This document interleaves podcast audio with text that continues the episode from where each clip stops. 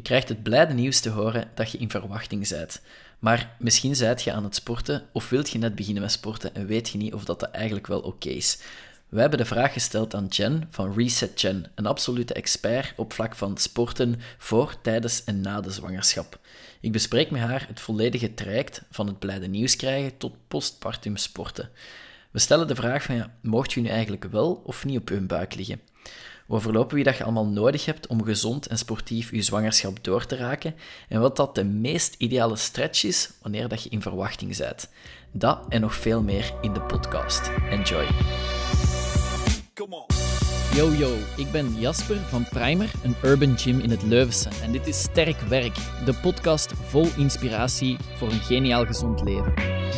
En welkom op de podcast. Uh, het heeft even geduurd om een gemeenschappelijk moment te vinden, maar hier zijt je. Ik ben al uh, een aantal weken al onze mensen en al onze luisteraars aan het hypen van ja, Jen komt op de podcast. Uh, misschien heel kort voor degenen die Jen nog niet kennen. Ja, wij kennen elkaar eigenlijk, we go way back al ondertussen, al de way van half vijf, wat daar ondertussen al ja, bijna drie jaar geleden of zo is, denk ik. En daar hebben wij eigenlijk elkaar leren kennen via een gemeenschappelijke kennis, Liesbeth van uh, Knip. En um, zo zijn wij eigenlijk in contact gekomen, vooral in contact gebleven. En dan um, ja, ongeveer een jaar geleden of zo hebben we elkaar echt zo wat teruggezien in de lockdown, maar dan uh, onder de coaching van Amy, de business coaching. Maar daarbuiten zou ik zeggen, ja, Jen, uh, at Reset Jen, voor, de, voor de mensen op Instagram, stel uzelf eens even voor. ja, eh, ten eerste bedankt om mij uit te nodigen op de podcast. Wat een eer. It's ehm, our pleasure, our pleasure. ja, toch. Uh, en sorry dat het zo lang geduurd heeft om een, om een datum te vinden. Um, dat, zijn, dat zijn zelfstandigen, hè? dat is live. um, dus ik ben Jen. Ik heb mijn eigen zaak, Reset. En de focus van mijn zaak is dat ik eigenlijk mama's en hun kindjes wil helpen om een uh, duurzame, gezonde levensstijl op te bouwen, zowel op vlak van voeding als vlak van beweging. Um, mijn mm achtergrond is zo uh, ik heb eigenlijk uh, eerst een doctoraat gedaan in de bio-ingenieurswetenschappen, heel wetenschappelijk. Um, dan in de industrie terechtgekomen en dan als ik zwanger was van mijn eerste kindje, um, de zaak gestart. En dan ook ges mm -hmm. gesprongen naar zelfstandigheid. En um, voilà, ondertussen ben ik zwanger van ons uh, derde kindje. Proficiat. Dank je. Um, en uh, ja, voilà. Ik weet niet wat ik daar nog aan moet toevoegen. Zaak, zelfstandige, mama, een beetje ja. achtergrond. Uh, en, en is... Misschien ook, misschien wel zeggen, ik heb wel ondertussen bijgestudeerd. Ik ben mm -hmm. niet maar mijn zaak uit het niets gestart. Ja, ja. Ik heb bijgestudeerd als uh, zo fitness pre- en postnataal, dus tijdens de zwangerschap, na de zwangerschap. En uh, diëtisten. En ook ja. Dus uw, specialisatie is echt alles wat te maken heeft met mama's en kindjes. Exact. Ja, zalig. Um, ja, misschien een eerste vraag. Uh, zo die, aangezien dat je e-, gedoctoreerd hebt, uh, in de industrie uh, gewerkt hebt, de switch naar zo, um, wat dat je nu doet, is dat dan gekomen omwille van het feit dat jij zelf in verwachting waart en dat je toen op zoek zijn gegaan naar van alles en nog wat? Of? Ja, ik had, um, ik had altijd wel zin om iets creatiever te doen. Dus tijdens mijn doctoraat uh, heb ik, ik heb drie boeken geschreven. En tijdens mijn doctoraat heb ik mijn eerste boek geschreven. Uh, Bezig bij? over um, voeding, gezonde voeding, allemaal recepten en zo. En um, ik vond dat zalig om zo met voeding bezig te zijn, met mijn passie bezig te zijn. En dan inderdaad heb ik in bijberoep eerst mijn zaak gestart, gecombineerd met mijn job in de industrie. Mhm. Maar ik werkte in Londen, dus hoe dat eraan toe ging was, ik vertrok elke dinsdagochtend uh, naar Londen en ik kwam donderdagavond terug. En, uh, met de trein dan?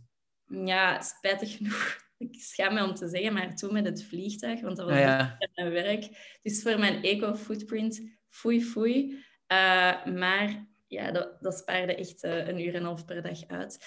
Um, En ik dacht, als ik zwanger was, van... Oh ja, oké, drie maanden zwangerschapsverlof en daarna ga ik dat terug doen.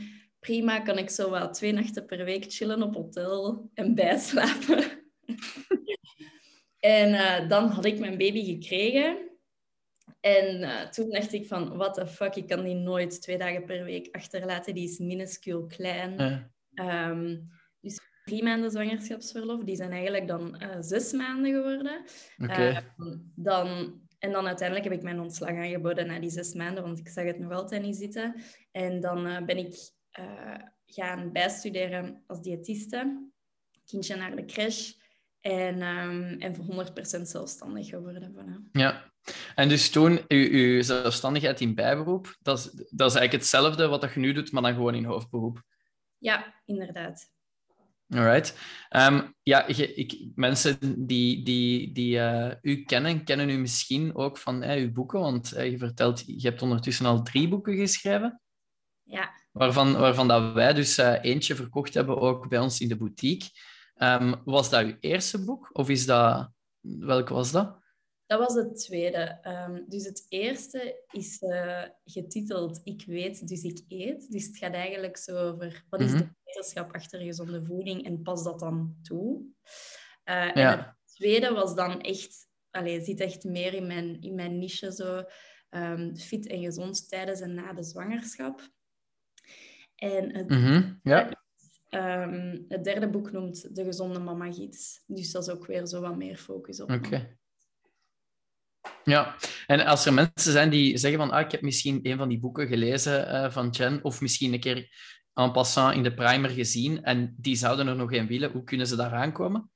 Um, de eerste is denk ik niet meer verkrijgbaar, maar de andere twee zijn gewoon via bol.com. Oké, super. Of in de standaard boekhandel, want ik heb net het bericht gehad dat het tweede, dus dat, dat jij ook verkocht hebt in de primer een tijdje, dat dat net in vierde druk gegaan is. Dus dat, Alright, cool. Dat blijft wel courant. ja, maar dat is keigoed. Super vet.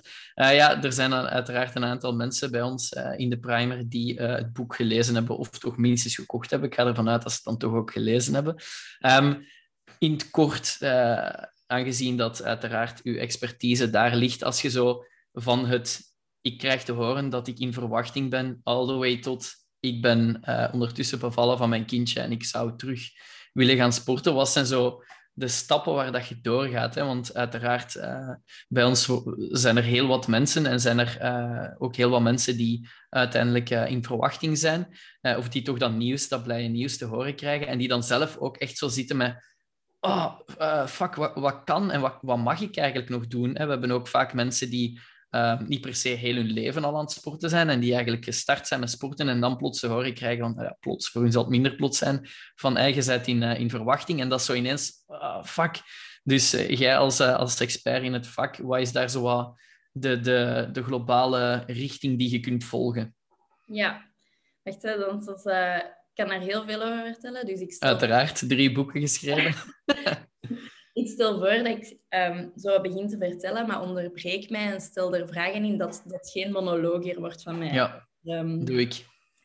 Um, nee, dus ik denk uh, dat als mensen van bij u in de gym te horen krijgen dat ze in verwachting zijn, mm -hmm. vooral proficiat.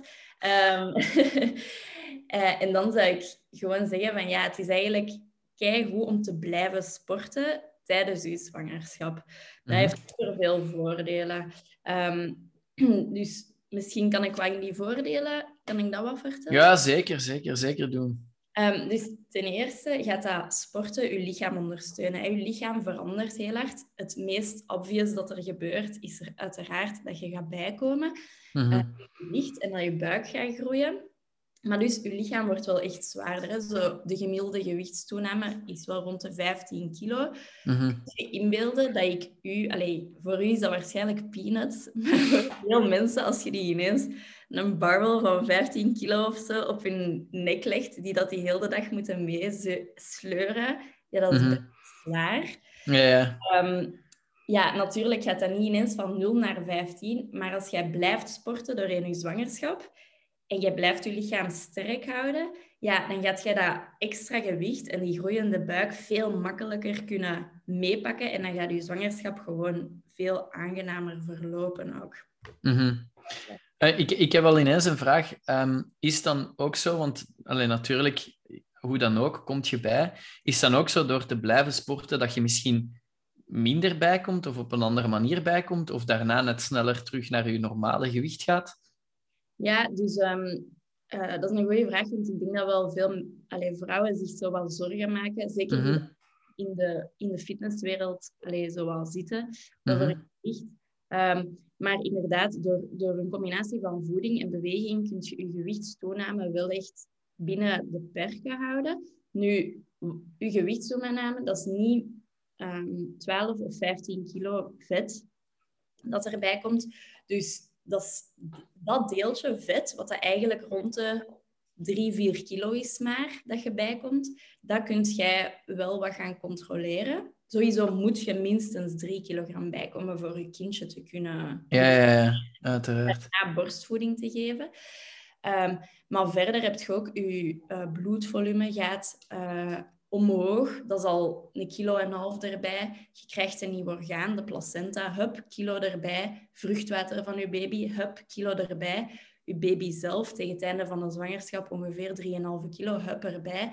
Mm Dus ja, je, hebt die, je gaat sowieso in gewicht toekomen. Mm En dat is helemaal oké. En voor sommige mensen is dat zo wel wat loslaten. Um, maar, uh, dus dat is helemaal oké. Dat is gewoon dat is belangrijk om in je oren te knopen. Maar je hebt het ook wel een deel, of dat jij 20 kilogram gaat bijkomen, of 15 of 30, dat heb je meer zelf in de hand. Ja, ja. want uiteindelijk is het zo, ik ben uiteraard een man, eh, dus uh, zoveel ervaring heb ik er niet mee. Maar ik hoor wel regelmatig van, ja, als je zwanger bent, je eet voor twee, je patroon verandert ook. En ik denk dat dat misschien ook iets is uh, wat dan mee met de, de gezonde levensstijl. Allee, dat, dat, als je daar totaal niet mee bezig bent, dat het misschien echt wel de spuigaten kan uitlopen qua eten en zo. Ja, ja je eet voor twee, maar ik zeg altijd uh, niet, in, niet in termen van kwantiteit, maar enkel mm -hmm. eigenlijk in termen van kwaliteit. Dus je moet voor twee eten, maar vooral kijken naar wat je eet. Mm -hmm. um, en eigenlijk moet je maar... Uh, het is pas vanaf je derde trimester dat je echt meer calorieën nodig hebt. En zelfs dat is maar 200 extra calorieën per dag. Ja, ik wou dus juist zeggen, 1 plus 1 is natuurlijk ook niet... Het is niet dat je voor een volwassene mens aan het bijten bent. Nee, inderdaad. Dus ja, 200 calorieën, wat is dat? Dat zijn uh, twee bananen of... Mm. Uh, ik bedoel, dat is gewoon een snack, hè. Dat je mm -hmm. bijpakt. Ja, dus, dus eigenlijk zou het excuus, ja, maar ik moet wel voor twee man eten, eigenlijk telt dat toch niet helemaal dan? Nee, tenzij dat je dat excuus gebruikt op het moment dat je uh, de laatste um, mango uit de fruitmand pakt, in plaats van een koekje of zo. ja, dus kwaliteit is echt, allee, dat is sowieso het meest belangrijke. Ja, inderdaad. Ja, en um, mensen die net willen starten met sporten, of die misschien niet aan het sporten zijn, die dan het blijde nieuws krijgen en dan plots denken, ah, toen me, ja, ik ga bijkomen, um, is, het, is dat een, een goed idee om dan alsnog te zeggen van, ik start toch nog met sporten, als je dan niet gewoon bent, of, of misschien hey, net daaraan gestart bent, zo gezegd? Uh, het korte antwoord is ja, het lange antwoord is ja, maar. Mm -hmm. Dus sowieso hè, is het het is altijd een goed idee om te, om te, om te sporten. Zelfs al, zelfs al bent je in je derde trimester, uh, luistert je deze podcast en denkt je van oh, ik zou echt moeten beginnen sporten, want ik heb nog geen klop kunnen doen deze zwangerschap. Dan nog is het een goed idee. Um, ik zou zeggen, indien je in het derde trimester bent, praat dan wel eerst met je gynaecoloog daarover. Mm -hmm. Of je bloedvrouw, je hulpverlener. Um, om te kijken dat dat past. Hè, want er zijn een paar um, uitzonderingen waarin dat geen goed idee is om te sporten. Maar ik zal die straks zeggen, dat is echt, mm echt uitzonderingen. Um, stel dat je zo in het begin van je zwangerschap uh, wilt starten met sporten, is perfect. Um, ik raad aan om altijd een combinatie te doen van kracht en cardio. Mm -hmm. En um, ja, met kracht is het vrij duidelijk. Hè, het is spierverstevigend en, en en die zaken. Met cardio bedoel ik niet uh, zo'n hit workout of zo. Ik bedoel echt um, uithouding en zo lang sport, mm -hmm. maar met je, um, je hartslag. Ze zeggen, doe de praattest. Als je kunt blijven praten, is je hartslag in de juiste zone. Dus mm -hmm. goede sporten om mee te starten, ook tijdens een zwangerschap, zijn um, zwemmen of uh, wandelen. Wandelen mm. lijkt geen sport, maar is wel echt een sport. En is een keigoede sport voor zwangeren en, en na de bevalling. Dus um, omdat die heel die hebben heel weinig impact. Hè? Dat zijn ja. heel rustig. Ja. Ehm, dus ja, sowieso doen, zou ik zeggen. Oké, en ehm, als je het hebt over, over krachttraining, um, hetgeen wat dat ik dan vaak hoor, is van ja, de inspanning mag ook wel op termijn niet meer te zwaar zijn. Uh, ik denk ook daar, want uh, ik ken wel wat mensen die op echt wel hoog level crossfitten of powerliften of zo, die uiteraard ook uh, op een bepaald moment het goede nieuws te horen gekregen hebben dat ze zwanger waren en die echt wel relatief stevig zijn blijven doortrainen. Um, maar dat dat misschien ook niet super interessant is als je dan niet gewoon bent om dan te gaan zeggen nu is het moment om er een mega lap op te geven en echt met nieuwe PR's te gaan proberen zetten. Nee, inderdaad. Um, ik denk een heel iets heel belangrijk dat je gewoon echt in je oren moet, dat iedereen in zijn oren moet knappen dat zwanger is kort is, um, luister naar je lichaam en niet doorbijten. En mhm je kunt geen PR verbreken door niet door te bijten. Dus doorbijten, dat, dat hoort niet thuis in een zwangerschap. Um, je sport, je luistert naar je lichaam, doe wat dat goed voelt. Maar vanaf dat je een moment hebt van... Uh, oei, ik ben precies echt moe. Of ah, zou ik deze wel doen? Ja, dan moet je ook gewoon stoppen. Het is niet bent om op je tanden te bijten. Nee, ja, dat is keigoed. Um, er zijn wel een aantal mensen, echt zelfs as we speak, die uh, bij ons aan het trainen zijn. Voornamelijk dan in de personal training, maar in de groepsessen gebeurt dat ook wel, alleen gaan die meestal niet zo ver. De personal training, mensen die daar in verwachting zijn, die gaan meestal echt wel door totdat ze uh, moeten, moeten uh, bevallen. En daar, dat is ook echt hetgeen wat ik het allermeeste zeg, elke sessie opnieuw, bij eender welke oefening, van eh, luister gewoon echt naar je lichaam. En ik merk heel hard dat mensen die bij ons komen, meestal zijn dat mensen die niet extreem sportief zijn, die, die starten met het sporten of die hun, hun, uh, hun sportiviteit relatief in stand willen houden. Um, die, die op een bepaald moment wel echt zo de, heel hard de vraag in zichzelf voelen opborrelen van ja, maar is het nog wel goed? Ja, maar is het, is het nog wel oké? En ik antwoord daar eigenlijk ook altijd op van kijk, als het niet meer oké aanvoelt, dan je lichaam gaat dat echt zeggen. En als dat ook zo is, als je voelt van nee, dit voelt echt niet oké aan, dan moet je dat gewoon meteen zeggen en dan doen we iets anders. Of als het nodig is, dan stoppen we de sessie of we plannen er geen volgende in of zo. En dat gebeurt wel eens een keer dat er iemand tijdens de sessie zegt: Vandaag nog had ik iemand die, die echt wel uh, allee, hoogzwanger is. En um, we waren facepools aan het doen. En ik zei van ja, probeer ze rechtstaand. En ze zei meteen van ja, ik voel aan mijn heup, dat is van te slapen, denk ik. Maar kan misschien, misschien toch proberen. Ik zei nee, nee, nee, we gaan die zittend doen. En als ze zittend goed aanvoelen, dan houden we het daarop. En dat is zo hetgeen wat ik bij u hoor van zo Allee, ik maak dan de redenering niet echt uit expertise, maar meer uit gezond verstand en er wel wat mee bezig te zijn van nee, nee, we gaan niet doorbijten, ook al voelt het niet zo pijnlijk aan. Als je lichaam zegt deze is lastig, dan doe iets anders. Ja, exact. Dat is echt inderdaad exact hoe dat je het moet aanpakken. Ja. Um, wat zijn, als, als iemand aan het sporten is, hè, je zegt dus je lichaam verandert. Um, het is belangrijk om niet te gaan doorbijten, om gematigd te werken, zowel uh, wat betreft krachttraining als, als de cardiotraining. Um, maar er verandert ook effectief lichamelijk iets. Um, wat is zo het moment dat je zegt van oké, nu moet je echt opletten met bijvoorbeeld dingen op je buik, of dat je ja, dat letterlijk de, de vorm van, van je lichaam zodanig anders wordt dat het bepaalde beperkingen legt op wat dat je nog kunt doen of zo? Ja, um, ja, dat is een kei goede vraag. Dus er zijn een paar dingen. Dus ik denk misschien het eerste om te zeggen is, zoals ik daar straks zei, tijdens uw zwangerschap stijgt uw bloedvolume. Mhm. Dat betekent dat je hart veel sneller moet beginnen slaan om je bloed rond te pompen in je lichaam. En je ademhaling gaat ook versnellen. Daardoor kun je veel sneller buiten adem zijn, maar ook veel sneller duizelig worden. Dus voilà, als jij voelt van je kunt niet op je adem komen, je wordt duizelig, dat zijn zoal wat twee rode vlaggen die er dan een teken zijn van je lichaam van oh, oh dat je even terugfluiten. Dus dat.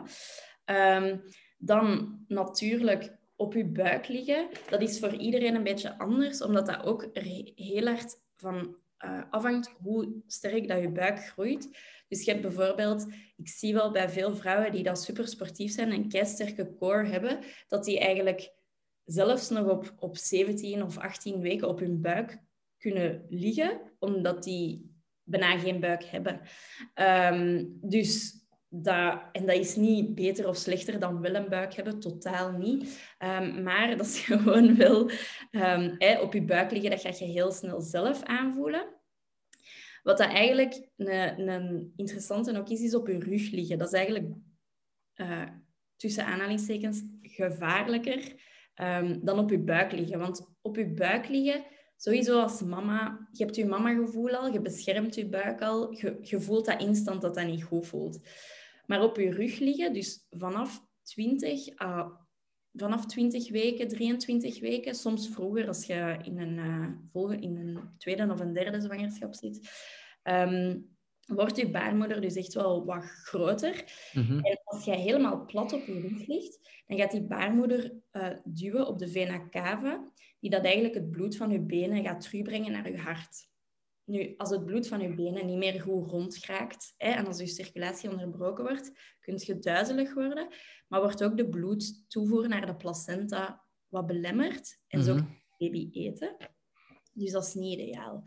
Um, heel veel vrouwen gaan dat gewoon merken van zichzelf, dat als ze echt plat op hun rug liggen, dat ze duizelig worden. Dus na 20, 23 weken oefeningen waarbij je een lange tijd plat op de rug ligt, um, die zou ik uh, wat proberen vermijden. Of toch geen lange tijd. Mm Stel, je doet iets, je ligt plat op je rug en je voelt dat je duizelig wordt. Gewoon rustig op je linkerkant draaien. Dus op je linkerkant krijgt je baby eigenlijk de beste toevoer van nutriënten uit de placenta. Ehm, en dan gewoon even wachten totdat je niet meer duizelig bent en je gewoon rustig opdrukken met je handen tot een zittende positie wanneer dat je er klaar voor bent. Mhm. Dus uiteindelijk slapen gebeurt dan ook best op de linkerzij. Ja, maar dat is heel moeilijk. Uh, want allez, ik ben nu uh, zwanger in mijn derde trimester en ik, mijn slaap is al heel onbestaand door de zwangerschap. Maar um, ik merk ook soms ligt je gewoon even graag op je rug. Mhm. En ik merk dat ik dan zo droom, niet op mijn rug liggen, niet op je rug liggen. dus ik zou ook wel mensen daarin gerust willen stellen. Als dat voor u... Allee, dat, kan niet, dat kan geen kwaad als je... Mm. Even op je rug. Even op je rug ligt. Of als je op je rechterzijde... Dat is oké. Gewoon een, een zijlig is sowieso wel uh, het meest uh, idealen. Mhm. maar, um, maar het kan geen kwaad als je ook eens even op je rug ligt. Ja, dat is allemaal inderdaad. En eh, net zoals je ook zegt, en, en bij het begin ook, je lichaam gaat ook echt wel aangeven wanneer iets niet goed voelt. Mega interessant. Um, je, je, hebt heel, ook, heel kort ook even gehad over ah als je van je tweede of derde kind uh, zwanger bent. Is het dan zo dat mensen die de tweede of de derde keer in verwachting zijn, dat die meer moeten opletten met al die dingen waar dat we het nu al over gehad hebben? Uh, nee, niet per se. Elke zwangerschap is anders. En mhm. het zou kunnen dat je... Um, want dat is misschien nog een, een, derde rode of een vierde, een derde en een vierde rode vlag. Het zou misschien kunnen zijn dat je bijvoorbeeld tijdens je eerste zwangerschap heel veel last hebt gehad van bekkeninstabiliteit. Mm Dat wil niet zeggen dat je daardoor je tweede zwangerschap daar last van hebt. Um, maar daar ga ik misschien iets meer over zeggen, want ik denk wel dat er veel mensen zijn ja, die daar met die last. Ja. Alright. Dus um, tijdens de zwangerschap produceert je lichaam een hormoon, relaxine. Mm En dat maakt je ligamenten en je gewrichten wat weker. Waardoor dat je veel soepelder bent. Je gaat veel dieper kunnen stretchen bijvoorbeeld. En ja, dat heeft als doel omdat er uiteindelijk een baby uit je moet komen. Uiteraard, uiteraard. en dat gaat niet zo vanzelf. Um, maar dat heeft ook dus het gevolg dat je uh, uw heupgewrichten en de zone van uw bekken, um, dat die wat meer instabiel wordt. Mm en, en, die zone, vanaf dat je eigenlijk nog maar een millimeter speling krijgt, of dat er nog maar een millimeter iets niet goed zit, daar kun je last krijgen van bekkenpijn. En bij sommige vrouwen kan dat echt leiden tot ja, rolstoel... Uh, een rolstoel moeten gebruiken, zelfs nog na de zwangerschap, omdat dat echt... Dat doet echt heel, heel, heel veel pijn. Mm wat is daarvoor belangrijk, moest je dat hebben, um, is van geen asymmetrische oefeningen te doen. Dus mm -hmm. het simpelste voorleggen met uh, een lunge en een squat. Een lunge is asymmetrisch. Mm Een squat is symmetrisch. Ja. Dus alles symmetrisch is oké. En alles asymmetrisch, wat dat op de grond is, is eigenlijk ook oké. Dus bijvoorbeeld uh, een adductorlift of een abductorlift, um, dat kan bijvoorbeeld wel. Um, maar ik zou je echt aanraden als je pijn hebt, om naar een bekkenbodemtherapeut te gaan. Mm -hmm. Dat is een gespecialiseerde kine. Um, die, gaat u, die gaat u kunnen helpen, die gaat u specifieke oefeningen kunnen geven. En, en dat zou kunnen dat met één of twee sessies dat je, je er al vanaf bent. Ja, dat verholpen is. Ja, dus doe dat echt. Um, en dan verder is zo goede stretch, een goede stretchoefening als je last hebt van bekkenpijn, is zo de, als je ligt en zo de figure four stretch. Mm -hmm. Is dat zo op je zij?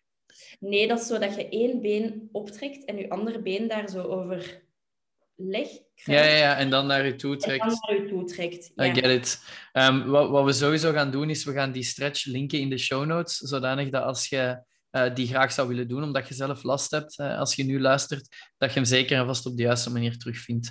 Um, dus die gaan we linken in de show notes. Um, een vraagje die ik nog had. Um, als je zegt van die bekkeninstabiliteit, dat gebeurt niet bij iedereen, maar het komt wel regelmatig voor. Is, iets, is er iets wat dat je preventief kunt doen? Dat je zegt van ja, bij mensen met een sterke core gebeurt dat minder, of, of is dat niet? Um, daar, is niet daar is geen eenduidig antwoord op. Je zou kunnen redden... Sowieso denk ik dat het Allee, sowieso weet ik, en dat wordt rond onderzoek ook aan, dat het goed is om een stevige core te hebben um, voordat je in je zwangerschap gaat, maar ook om je core nog te blijven trainen tijdens je zwangerschap. Oké. Okay. Op een aangepaste manier. Dus klassieke buikspieroefeningen zoals crunches, mm -hmm. roll-downs, alles wat dat heel veel druk zet op je, op je rechte buikspieren, die moet je absoluut vermijden. Mm -hmm. Want uh, die rechte buikspieren die gaan tijdens de zwangerschap, omdat je buik groeit, uit elkaar te komen liggen. Mm -hmm. Diastase, dat is mega normaal. Tegen het einde van de zwangerschap heeft elke vrouw dat. Maar dat is wel een van de bepalende factoren na de zwangerschap om te zien of dat je klaar bent om je workouts terug op te nemen en naar een hoger niveau terug te brengen. Mm -hmm. uh, maar uh, core oefeningen, zoals ja, bekkenbodem is deel van de core, uw rug is deel van uw core, uw schuine buikspieren zijn deel van de core. Die kun je bijvoorbeeld trainen tijdens de zwangerschap zelfs met ademhaling, buikademhaling, -hmm. navel intrekken en zo. Um, dus uw core, een sterke core is sowieso supergoed. Mm -hmm. Dat dat bekkeninstabiliteit verhinderen, misschien in sommige gevallen een beetje, maar daar kun je geen ja op zeggen. Hè. Ja, ja. Maar dat okay. is zo... Alright. Um, als, je, als je dan kijkt naar de, de oefeningen, um, zijn er dingen waar dat je echt kunt zeggen van daar moet je echt, allee, daar moet je echt van wegblijven vanaf die periode of zo. Uh, ik denk aan springen, uh, ik denk aan uh, ja, extremere posities, misschien, ik denk maar aan iets sumo deadlift of, of iets in die aard waar dat je heel veel druk ook op, op, de, op de lies en op de heupen zet of zo.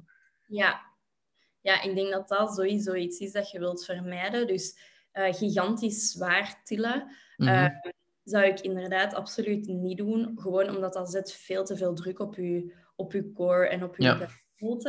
Um, maar inderdaad ook springen. Dus dat, die relaxine dat ik daar straks zei, mm -hmm. dat je gewrichten zo wat soepelder zijn en zo. Um, die piekt vooral in het eerste en in het derde trimester. En dus raad ik wel... Ja, af van daar gewoon voorzichtig mee om te gaan. Als er bijvoorbeeld mensen... Allez, zoals, ik kan niet zeggen, je bent zwanger en nu mocht je niet meer springen. Als jij normaal altijd springt of bijvoorbeeld gaat joggen of zo en dat voelt voor u goed aan, blijf dat dan doen totdat dat niet meer goed aanvoelt. aanvoelt. Maar wat bijvoorbeeld wel is, is zo sporten met impact, waarbij je zo hevig van richting verandert. Bijvoorbeeld um, iets voor de hand liggend squash. Mm -hmm. Snap je? Dan verandert je zo snel van richting en, en pakken nu, moeten nu gewrichten veel uh, druk verwerken. Ja. Um, daar zou ik heel hard mee oppassen.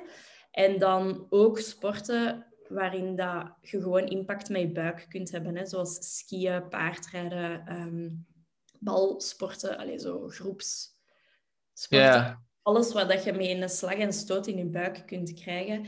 Uh, toch vanaf het tweede trimester zou ik daar zeker mee stoppen. Want vanaf het tweede trimester is je baby eigenlijk zo groot dat dat boven je schaambeen uitkomt en die zit niet meer beschermd dan. Ja, ja oké, oké. Dat als je zo allez, een bal daartegen zou krijgen of een impact of zo, dat dat wel echt... Een boog of zo, of ja, ja dat, dat, ja. dat is zo, niet zo wenselijk. Oké. Ehm, als je iets, iets wat daar regelmatig ook voorkomt uh, bij de persoon die op dit moment in verwachting is en bij ons nog personal training volgt, die voelt zelf heel hard aan aan haar lichaam. Ik denk zelfs dat wij eerder gaan zeggen: nee, nee, nu willen we niet meer dat je verder doet of dat je komt, dan het omgekeerde. Uh, het is niet dat die extreem uh, zwaar traint of zo, maar sporten is echt heel belangrijk voor haar. En die voelt ook echt dat dat, dat, nog steeds echt heel goed aanvoelt. Maar tegelijkertijd, ze gaat ook wel uiteraard naar een gynaecoloog en naar een dokter voor, uh, voor de opvolging daar. En ze krijgt soms wel eens te horen, als ook van vrienden en familie in haar, in haar dichte kringen, van ja, ja, zouden daar toch niet mee opletten. Hè? Zouden toch niet stoppen met, met krachttrainingen, met sporten zo. Ze is onder andere ook iemand die graag naar festivals gaat. En daar had ze ook te horen gekregen van ja, uh, zo concerten, dat zou ik toch niet meer doen. Um, wat als je uh, zelf het gevoel hebt van het voelt eigenlijk nog wel goed aan, maar toch krijg je in je omgeving dokters en of vrienden en familie die misschien uh, te vertrouwen zijn, die zeggen van ja, zouden daar toch niet mee opletten. Op welke manier kun je daarmee omgaan en is er een manier om, om nog iets meer zekerheid te zoeken of zo? Ja, ik denk, dat is een hele moeilijke vraag. Hè? Mm -hmm. um, en ook een hele gevoelige vraag, want wat als uh, mama, en nee, papa's hebben dat uiteraard ook, maar mama's hebben dat veel vroeger, want die zijn gewoon zwanger. Je wilt het allerbeste doen voor een kind. Mm -hmm. En uh, als ik nu zou zeggen van ja, je mocht dat niet doen en zij doet dat wel, snap je, dan lijkt dat... Maar dat ga ik ook niet zeggen, hè. Maar dus ik vind dat wel een gevoelige vraag, want mensen die dat gaan luisteren, gaan zich ook in een of andere situatie kunnen verplaatsen. Um, dus ik ga... En daar is ook geen, geen eenduidig antwoord op ik vind wel altijd um, uw hulpverlener, uw gynaecoloog, mm -hmm. die heeft voor mij wel uh, het laatste woord. Mm -hmm. um, en als ik nu kijk naar mezelf, tijdens mijn eerste zwangerschap was ik vrij. Hoe zeg ik dat? Ik, ik kan zo wel doorzetten. Uh, en uh, ook zo wel een beetje bij sport. En bij mijn eerste zwangerschap dacht ik zo van, oh, ik ben zwanger, dat betekent nu niet dat ik hier de zwakke moet zijn. Kom, ik ga wat doen. En dat voelde wel goed. Mm. Ik merk wel um, dat met mijn tweede zwangerschap, dus zijn wij ons kindje verloren op het einde van de zwangerschap. Mm -hmm. um, dat, dat was een ziekte, dat had niks te maken met iets dat wij hadden gedaan of zo. Ja. Um, maar nu zwanger zijnde van ons derde kindje dan, en ook wetende nu uit die ervaring van hoe fragiel dat Mhm, eigenlijk is en hoe, hoe zot dat eigenlijk is dat er leven in u groeit en hoe, hoe kwetsbaar dat dat is, Mhm. ehm, merk ik dat ik het veel rustiger aandoe, ook bij, met sporten, dan in mijn eerste zwangerschap. Niet alleen met sporten, maar ook gewoon met op tijd rust nemen, je lichaam niet te veel onder stress zetten. Ehm, en dus, ik, ik denk dat ik misschien niet de goede persoon ben om het gewenste antwoord op die vraag te geven, gezien mijn ervaring, want ik ben eerder aan de voorzichtige kant. Ehm, maar ik zou, ik zou zeggen van, kijk, als, als mensen bezorgd zijn daarvoor, dat is nooit volledig ongegrond. Mhm. Ehm, en dus, je bent niet heel je leven zwanger, je bent maar negen maanden zwanger. Van dan gewoon te zien van, oké, hoe kunnen we een middenweg zoeken? Hè? Want het is sowieso goed om te blijven sporten tijdens je zwangerschap. Mhm. En inderdaad, in dat derde trimester gewoon wat de intensiteit afbouwen, ehm je trainingen wat aanpassen, dat daar wat meer eh, rustmomenten in komen, ehm, wat meer aandacht voor misschien stretchen van de rug en zo. Eh, ja.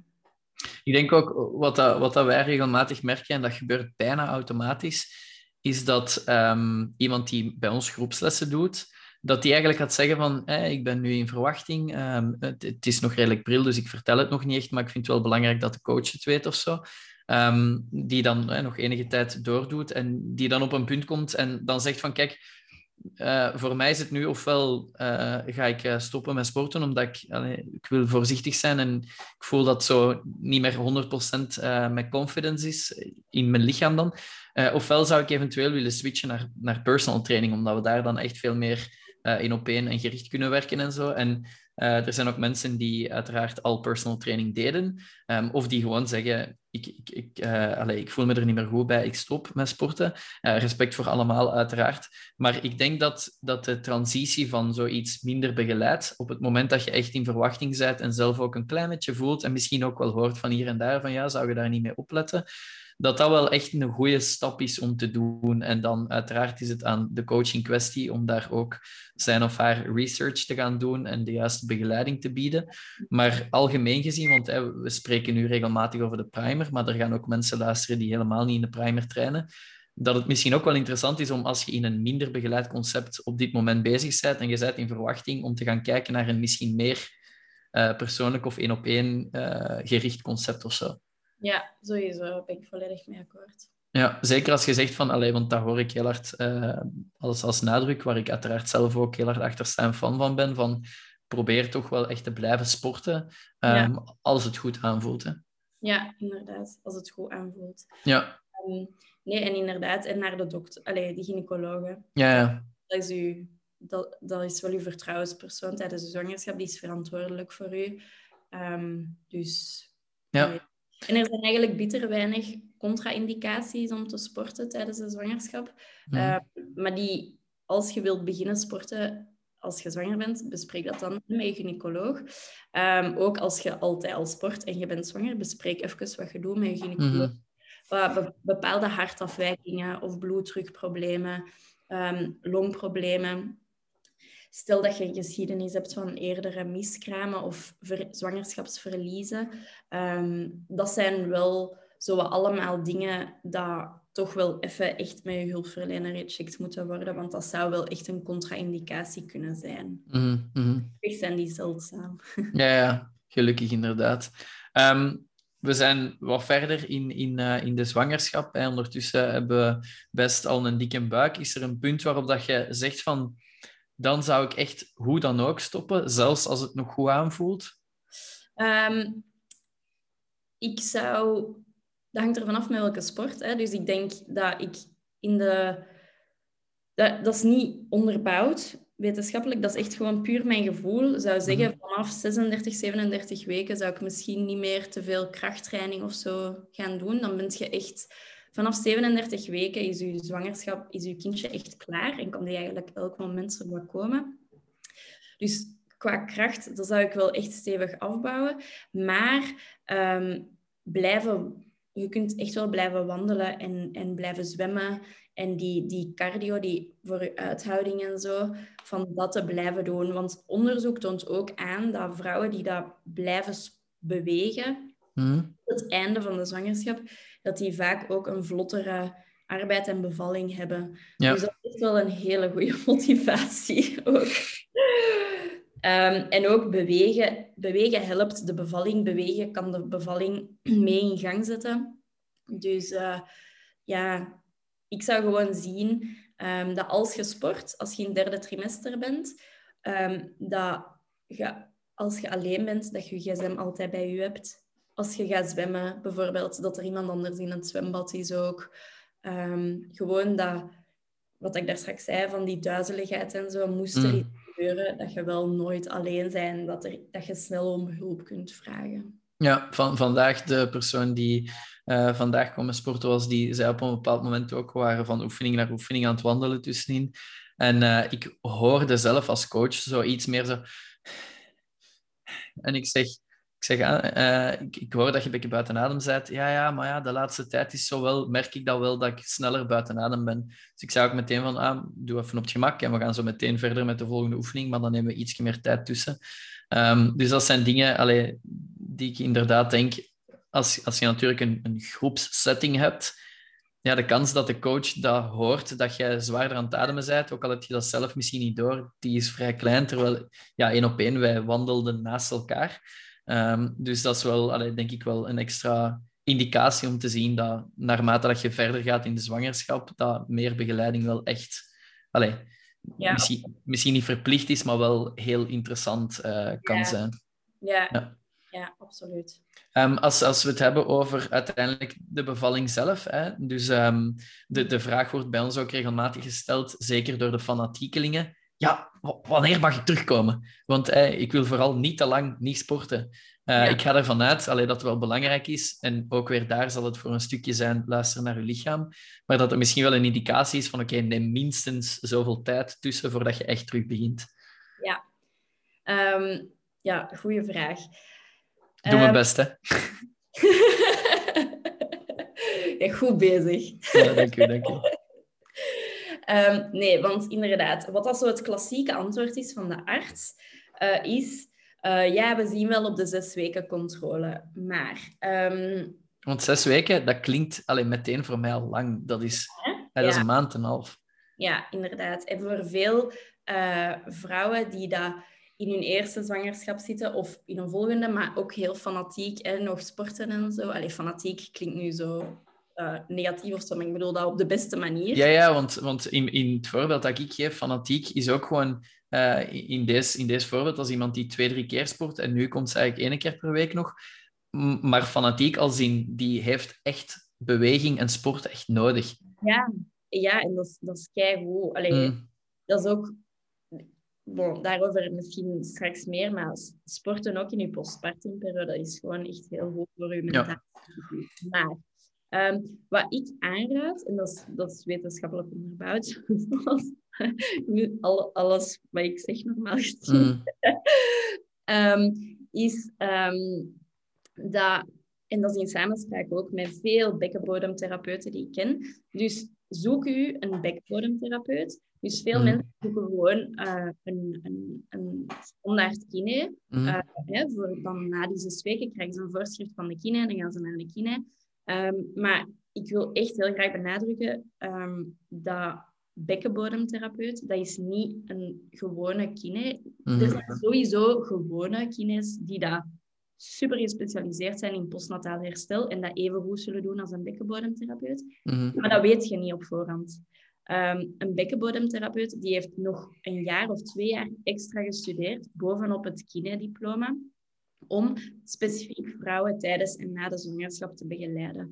En die hebben eigenlijk graag, of alleszins die, die waarmee dat ik samenwerk, wat dat er Mhm. wel heel was zijn, ehm, die hebben eigenlijk graag dat je veel vroeger, alleen niet veel vroeger, maar dat je vroeger komt dan die zes weken. Ja. Dus die zouden graag u de eerste keer zien ehm, als je een gewone bevalling hebt gehad. Dus dat wil gewoon zeggen geen keizersnee, een vaginale bevalling. En die zonder complicaties is geweest. Dat je tussen drie, rond drie à vier weken voor de eerste keer bij hun komt. Mhm. En eh, bij een keizersnede, sommigen zeggen van ja, kom ook maar al eens om, om vier weken, maar je hebt een litteken, je hebt een zware buikoperatie gehad, dus ik zou misschien eerder zeggen zes weken. Al zijn er andere oefeningen dat die je kunnen geven dan om te doen. Dus als je dat graag doet, maak zeker die afspraak. Ehm, dat is geen probleem trouwens om al te gaan en nog niet je voorschrift te hebben. Want je Hm. gaat zes weken bij je gynaecoloog gaan, die gaat je voorschrift geven en dan brengt je dat gewoon achteraf binnen. En de meeste kines, maar vraag dat op voorhand misschien aan de telefoon, maar de meeste kines maken daar helemaal geen probleem van. ja. Dus die, ja, sorry, vraag. Ik zou Nee, ik, ik was, ik was eh, in de tussentijd aan het denken dat misschien ook, eh, gelijk als je zegt van er gaan veel kines zijn die, die eh, zich ook wel specialiseren, ja, dan gaan die dat waarschijnlijk ook wel duidelijk aangegeven hebben dat dat een specialisatie is. Maar dat misschien even belangrijk is, en eh, dat is misschien een mini-disclaimer, iets wat ik zelf ook heel belangrijk vind, dat als je als kine zo iemand bij u krijgt en je denkt van ja, kan die wel helpen, maar ik ben daar niet in gespecialiseerd, dat het ook heel belangrijk is voor u om die persoon door te verwijzen. Dat is iets wat dat denk ik niet altijd even gemakkelijk is en niet altijd even snel gebeurt, maar iets wat dat wij ook echt eh, heel belangrijk vinden en heel hard doen. Als er bij ons iemand toekomt en die zegt, yo guys van de primer, ik wil echt crossfitten. Dan zeggen wij ook altijd van, ah ja, maar dan zijn wij niet de juiste partij voor u. Hè. Eh, aan de overkant is er een crossfit, daar, daar gaat, de, gaat beter geholpen zijn. Eh, wij kunnen wel iets in die richting aanbieden, als in de Metcon voor ons. Hè. Dat leunt daar heel hard bij aan. Maar we zijn niet de experts. En ik denk ook, effectief, als ik, als ik uh, Jolien, die bij ons kine is, als ik met haar daar al over gebabbeld heb, zij zegt ook van, kijk, als er zo'n geval is van iemand die net bevallen is of tijdens de zwangerschap of zo, het is niet dat ik die niet kan helpen, hè, maar ik ben daar zeker geen specialist in. Dus ik zou die eigenlijk liever doorverwijzen. En dat vind ik allee, iets wat dan minstens even belangrijk is en wat dan net heel veel sterkte toont, ook als kine zijn in deze geval. Ja, ik vind dat absoluut. Als hulpverlener, als coach. Ehm, je moet kunnen doorverwijzen. En dat is een, ik vind dat dat inderdaad, dat is juist een teken dat je slimmer bent, dan moest je dat niet doen. Want mm. je kunt niet alles weten. Jij bent gespecialiseerd in je ding. En, ehm, en andere mensen zijn in andere zaken gespecialiseerd. Ik ga bijvoorbeeld met mijn diëtistenpraktijk ook niet uh, iemand bij mij nemen die dat hulp wilt met een eetstoornis. Mm. Ik ben gespecialiseerd. Ik, ik heb dat tijdens mijn opleiding gezien. Ik zou die wel kunnen helpen, maar ik weet dat die veel beter af is bij een collega dat daar echt in gespecialiseerd is. Mm Nee, sowieso. En uh, misschien gewoon een korte samenvatting van wat die bekkenbodemkine juist doen. Mm -hmm. Um, dat dat ook geen verrassing is voor de meisjes dat dat, uh, of de vrouwen dat, dat gaan, daar naartoe gaan. Ja. Um, dus er zijn eigenlijk twee, twee factoren die dat super belangrijk zijn in je postnataal herstel. En als die goed zijn, dan kun je echt beginnen progressief terug opbouwen. En dat is ten eerste je bekkenbodem. En ten tweede je diastase, wat ik daar straks zei, dus je buikspieren eigenlijk. En dus die kine die gaat daar echt specifiek op die twee dingen werken.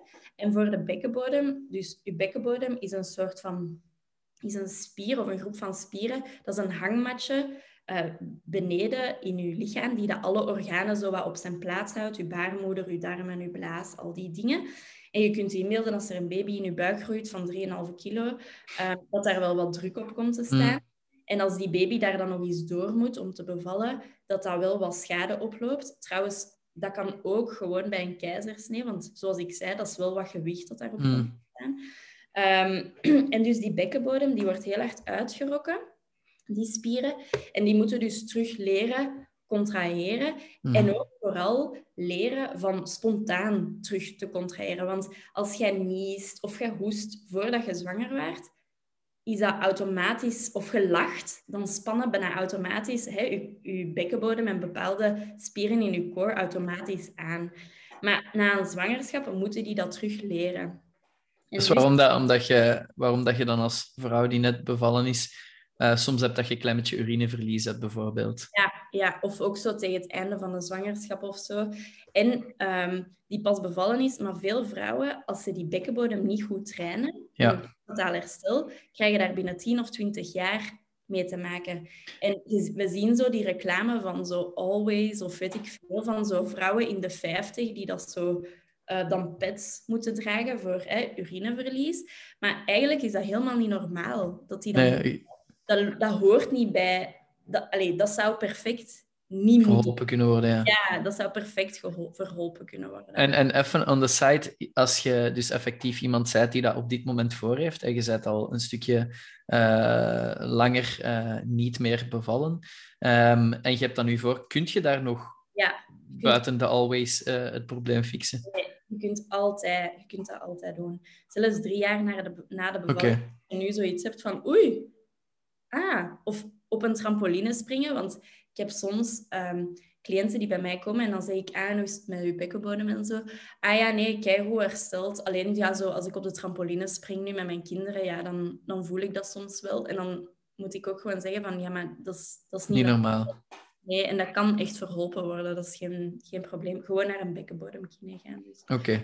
Wat dat die gaat doen, uh, of wat dat de meesten doen, is een, oftewel met een sonde, mm de spanning gaan meten. Oftewel doen die dat met een hand, met een vinger. Mm dus voilà, dat is misschien niet goed om te weten dat je daar ook wel op voorbereidt. Voorbereid zet, ja. Um, nu, normaal... Allee, dat is, die gynaecologen en zo met de bevalling hebben, mm. niet anders gedaan, om het zo te zeggen. Maar, ja, ja. Um, nee, om gewoon te zeggen van als je daar... Allee, stel dat je je daar niet comfortabel bij voelt, Um, is dat geen reden om niet te gaan, maar is dat wel een reden om bij je eerste gesprek dat gewoon aan te Even aan te halen, ja. Van, ik weet niet of ik dat zie zitten, of dat ik daar... Allee, ik voel me daar niet klaar voor of zo. Misschien bij wijze van spreken dat je zou zeggen van... Uh, allee, in die richting van, van comfort, meestal je gynaecoloog gaat, zou misschien nog wel kunnen dat je die toevallig persoonlijk kent of zo. Maar dat als, als je daarna, hè, de bevalling is gebeurd en je denkt van, oh, ik ken wel iemand die, uh, die bekkenbodemspecialist is en, en die je misschien persoonlijk kent of zo, waar dat je dan achteraf misschien het idee hebt van, oei, maar ik wil misschien toch niet dat degene die ik echt goed ken, effectief ook dat gaat doen. Ja, inderdaad. Ja. Inderdaad. Um, dus dat gaat hij doen. En die gaat u specifieke oefeningen geven dan om die bekkenbodem terug te trainen. Mm Nu, in het ziekenhuis komt er meestal ook iemand langs nog. En die bekkenbodem, dus dat is zo opspannen en, en ontspannen, dat is precies alsof dat je hè, je plas inhoudt mm -hmm. uh, en dan terug loslaat. Niet doen tijdens het plassen, want dat kan blaasontstekingen geven. Maar um, dus is gewoon om aan te geven, dat is wat ik over spreek als ik spreek over bekkenbodemoefeningen. Ja. Ze je wel aan van dat op jezelf al een klein beetje beginnen te doen rond dag drie, vier, uh, die eerste weken, nog voordat je naar de kine gaat. Omdat dat herstel bevordert. En ook moesten er uh, wondjes of zo zijn, gaat dat ook die doorbloeding meer stimuleren, waardoor dat die wondjes sneller gaan genezen. Zijn dat, uh, zijn dat de kegels, die oefeningen? Ja, ja, ja, inderdaad. En wat dat daarbij heel belangrijk is, is dat je uiteraard opspant, maar dat mhm. je twee keer zo lang ontspant als opspant. Ja. Um, dus dat is zo wat bekkenbodemstuk. En dan het andere is de diastase. Mm Na de zwangerschap gaat er een gaatje blijven tussen die twee rechte buikspieren.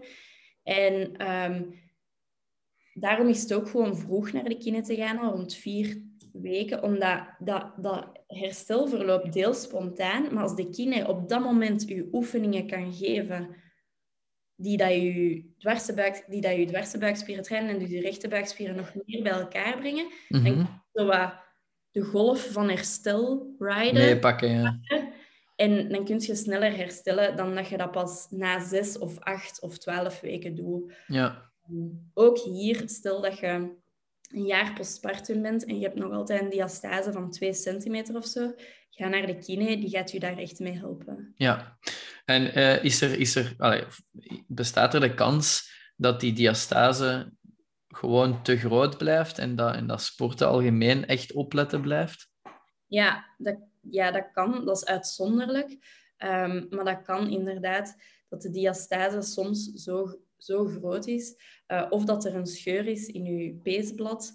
Um, dat dat operatief eigenlijk uh, terug hersteld moet worden. Um, dus ja, maar dat is ook dat is buiten mijn expertise, zoals we zeiden. Dat is echt bekkenbodemtherapeut plus dan misschien nog een, uh, een chirurgisch team dat dan moet beoordelen hoe dat, dat hersteld kan worden. En even om, om helemaal mee te zijn in het diastaseverhaal, wat is het gevaarlijke daar? Als je toch zou blijven sporten en je, en, en je diastase is groot of te groot of zo? Um, ja, als u je gaat heel veel blessures gewoon krijgen ook. Dat is niet goed voor je interne organen. Als jij, je ziet dat ook heel hard. Als mensen een heel grote diastase hebben en die doen een crunch of zo, ziet je die organen door, allez, erdoor gewoon drukken. Of tijdens de zwangerschap, iemand blijft dat doen, dan zie je dat die buik zo in een punt, in een driehoek gaat. Dat is mhm. het moment dat je echt te veel druk bent aan het zetten. Dus dat is, het e is, is deel 1. En deel 2, als je zo'n grote diastase hebt, ja, je, je rechte buikspieren zijn een belangrijk onderdeel van je core. Als je nooit een goede core terug gaat hebben, um, dan gaat je heel veel last hebben van, ja, van alles en nog wat dat gelinkt is aan geen goede core stabiliteit. Ja, en dus, uh, want je sprak daarnet ook heel even over zo 2 centimeter. Wat is, wat is een te grote diastase? Of is dat moeilijk om te zeggen? Uh, moeilijk om te zeggen en ook echt niet echt binnen mijn uh, area of expertise. Um, maar wat ik bij veel vrouwen zie en die dat dan bij mij komen sporten terwijl dat ze um, nog bij, met, met de kinderen of zo bezig zijn. Um, wat dat wel courant is, als je zo tussen de 12 of 15 kilo bent bijgekomen in je zwangerschap, mm-hmm. als je geen... Uh, uh, en als je buik niet gigantisch naar voren, want soms is het ook de manier van dragen. Je hebt vrouwen mm. meer naar voren dragen en dat heel snel een, een, grote buik gaan hebben, ook al zijn ze niet zoveel bijgekomen. Um, is zo wat tussen de anderhalf, twee. Centimeter. Centimeter, ja. En ze meten dan met het aantal vingers dat je daar eigenlijk kunt tussen steken. Je kunt dat ook heel gemakkelijk zelf meten. Um, als je plat op de grond ligt... Op je rug. Je, ja, plat op, de, op je rug ligt en je tilt je schouders en je hoofd een beetje uh, van de grond. En dan moet je maar eens voelen tussen je twee rechte buikspieren, dus eigenlijk het midden van je buik, boven en onder je navel. Ehm, hoe groot dat die opening tussen de twee bultjes of de twee allez, spieren is dat je dan voelt. En meestal is dat zo rond de twee, zal ik zeggen. Ehm, en is dat, sluit dat vrij snel terug. Uh, na, na, tegen twaalf weken of zo is dat meestal wel besloten. Zeker na een eerste zwangerschap. Hm.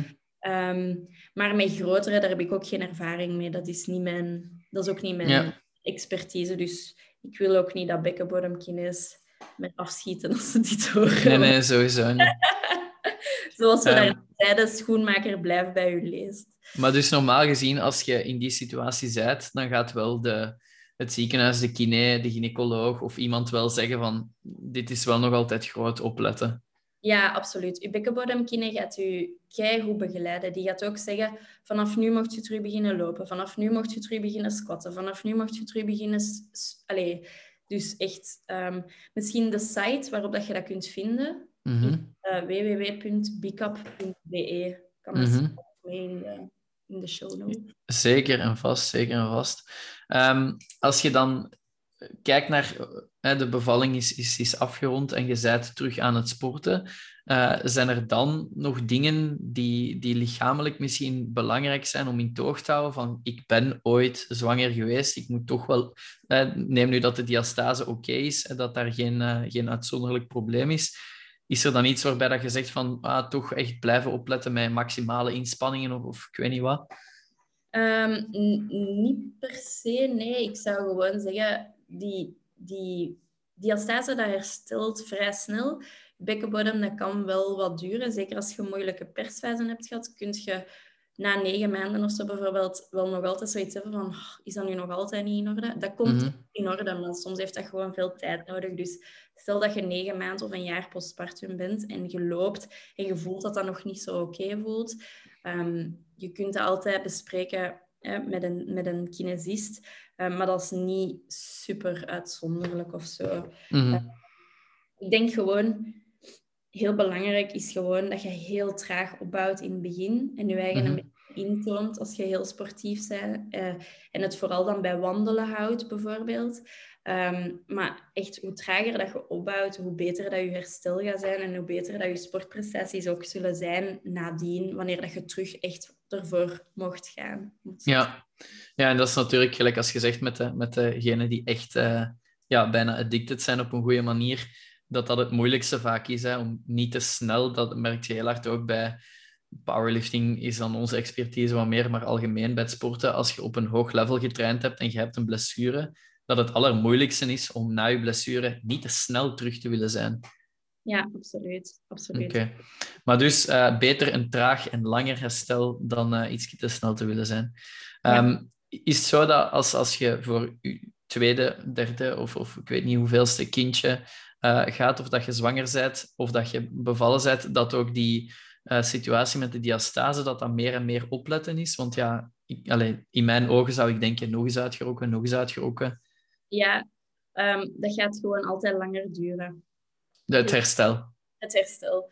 Dus mijn, uh, mijn kine, mijn, de bekkenbodemkine waar ik ga, die, die super specialist is, um, die zei mij, um, je moet denken bij een eerste zwangerschap, negen maanden zwanger, je hebt negen maanden nodig om echt helemaal terug te herstellen. Mhm. Bij een tweede zwangerschap maal 2, 18 maanden. En bij een derde zwangerschap maal 3. Nu, dat is ook... Allez, ik weet dat zij dat ook zei. Dat is geen exacte wetenschap natuurlijk. Maar het geeft u wel aan dat...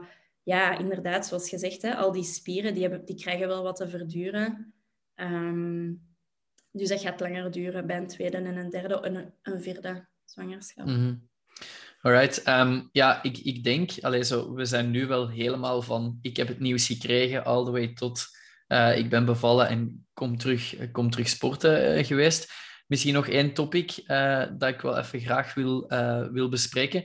En dat is, ik, ik ben terug aan het sporten en ik neem mijn kindje mee. Of ik, ik neem mijn, mijn babytje mee. Um, ik hoor daar ook heel hard zo ja, de twee kampen, bij wijze van spreken. Enerzijds heb je gewoon de fanatiekelingen die zeggen van, ja maar nee, ik ga sporten en ik pak wel gewoon dat mijn kindje mee, ik zet die daar ergens aan de zijkant en ik hou die wel in toog. En dan heb je de andere kant die zo echt zijn van, ja, zeggen met je kind gaan sporten, ik vind dat dat echt niet kan. En eh, daar is muziek en daar is achtergrondlawaai en ik weet niet wat allemaal.